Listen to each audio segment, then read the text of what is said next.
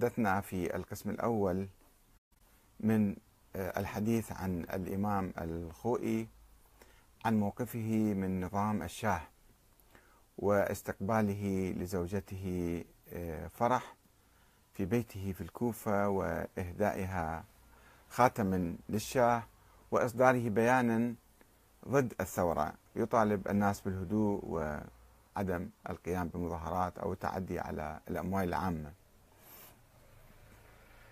وقلنا أن ذلك حدث بتدبير من مدير مكتبه عميل المخابرات الإيرانية السيد مرتضى النخشواني الذي قبض ثمن هذه الزيارة ثلاثة ألاف دينار عراقي ذيك الأيام.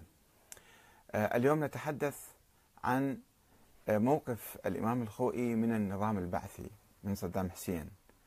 ولماذا أفتى بجواز الانتماء لحزب البعث الظالم في ذيك الأيام.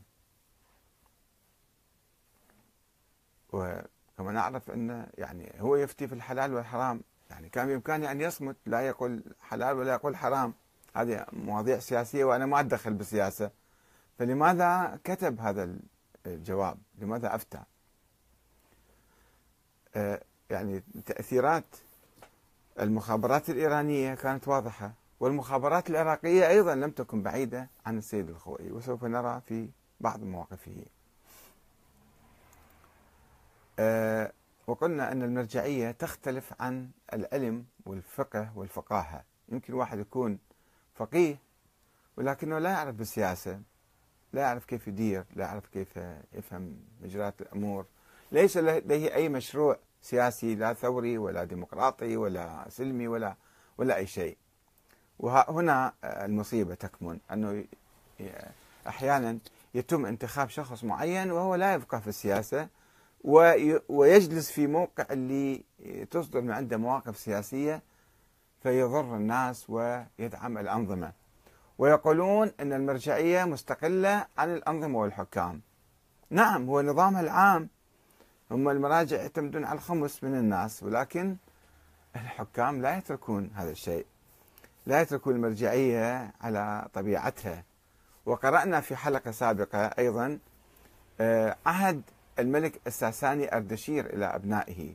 أن ديروا بالكم من العلماء ومراجع الدين فحاولوا تحتووهم حاولوا تفكوا عيونكم عليهم. ليكون يقوضون ملككم في يوم في يوم من الأيام. هذا خوف قديم موجود.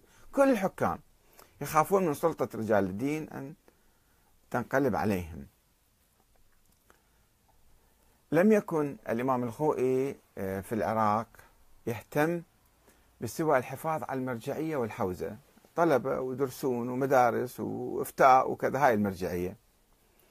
ولم يكن يتدخل في الشؤون العراقية. باعتباره هو إيراني. من أيام سيد أبو الحسن الأصفهاني جرى و يعني قيام الدولة العراقية جرى اتفاق بين المراجع مراجع النجف وبين الحكومة العراقية. يعني ما يتدخلون بالسياسة. وخاصة هم إيرانيين ما يحملون جنسية عراقية. بعكس اللي كانوا يحملون جنسية عراقية كانوا أشجع وأجرأ على التصدي للحكام أو يعني القيام بثورات أو يعني التدخل آه، في الشؤون السياسية لأنه آه، آه، يهمهم بلدهم كان. أما المراجع اللي هم كانوا يحملون جنسية إيرانية أو أفغانية أو باكستانية كما هو الحال الآن فهم يعني يتحاشون الدخول كثيرا في في السياسة العراقية.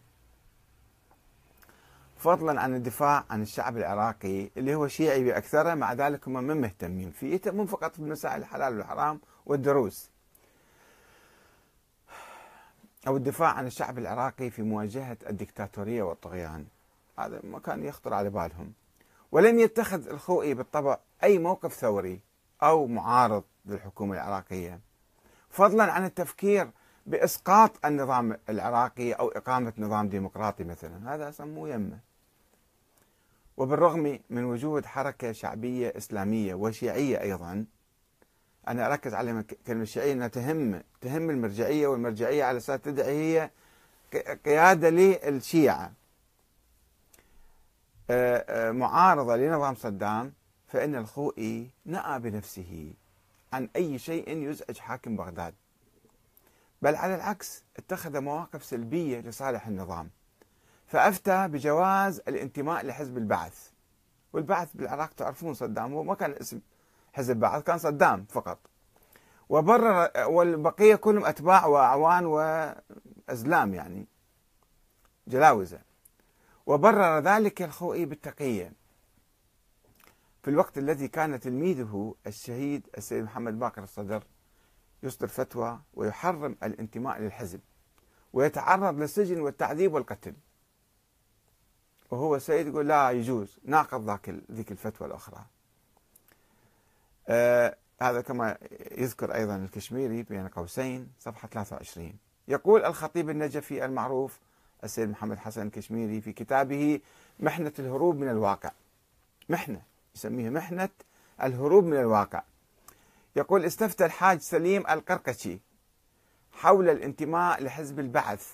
يجوز لو ما يجوز استفتى الخوئي. فأجاب السيد محمد باقر الصدر بكل شجاعة بالحرمة. قال لا ما يجوز حرام. واستفتى الخوئي فأجابه بالجواز. اثنين علماء يفتون فتوى متناقضة. فأيهما أي هاتين الفتوتين تمثل الدين أو لا واحدة من عندهم. ولما كلمه أحد أصدقائه أحد أصدقاء الخوئي بذلك حول ذلك يعني وهو السيد مهدي إخوان مرعشي قال له شلون تصدر فتوى بجواز الانتماء لحزب البعث؟ رد عليه بأنه يخشى أن يكون هذا الرجل مرسلا من القيادة الحزبية. وإذا كان مرسلا من القيادة الحزبية إيش راح يسوي لك يعني؟ راح ينزعون عمامتك مثلا أو يقطعون رأسك؟ لا تجاوب. مو ضروري تجاوب على كل واحد. ونفس الحالة استفتى أحدهم للترشح لعضوية مجلس الشعب عام 1979 أجاب المرحوم الخوئي بالجواز في حين أجاب بعكسه الشهيد الصدر. لقد ناقش أحد تلاميذ آه، الشهيد الصدر أستاذه في ذلك. قال لها شلون؟ الخوئي يصدر فتاوى. وذكر له أن الإمام الخوئي أجاب بالجواز. وأنت تقول لا ما يجوز حرام. فأسقط ما في يده وبقي مصفر الوجه لدقائق. السيد الكشميري يقول وأتذكر أنني والسيد عامر الحلو هذا موجود في لندن خطيب. ذاكرناه في ذلك ناقشناه يعني. فأجاب بأن سبب الدمار في العراق هو ضعف مرجعية الإمام الخوئي من جانب وبطش حزب البعث من جانب آخر. يعني لو كان شوية عنده قوة شخصية وعنده فكر سياسي وعنده موقف كان يمكن حافظ على الشعب العراقي من ظلم صدام وهدده أو مثلا آه، قاومه أو شيء تحرك أو حتى قال اذا أخرج من النجف. هي كانت ضربة صدام ما يحاول يعني يهديه. هذا يذكر الكشميري هالقصة والنقاش في محنة الهروب صفحة أربعة.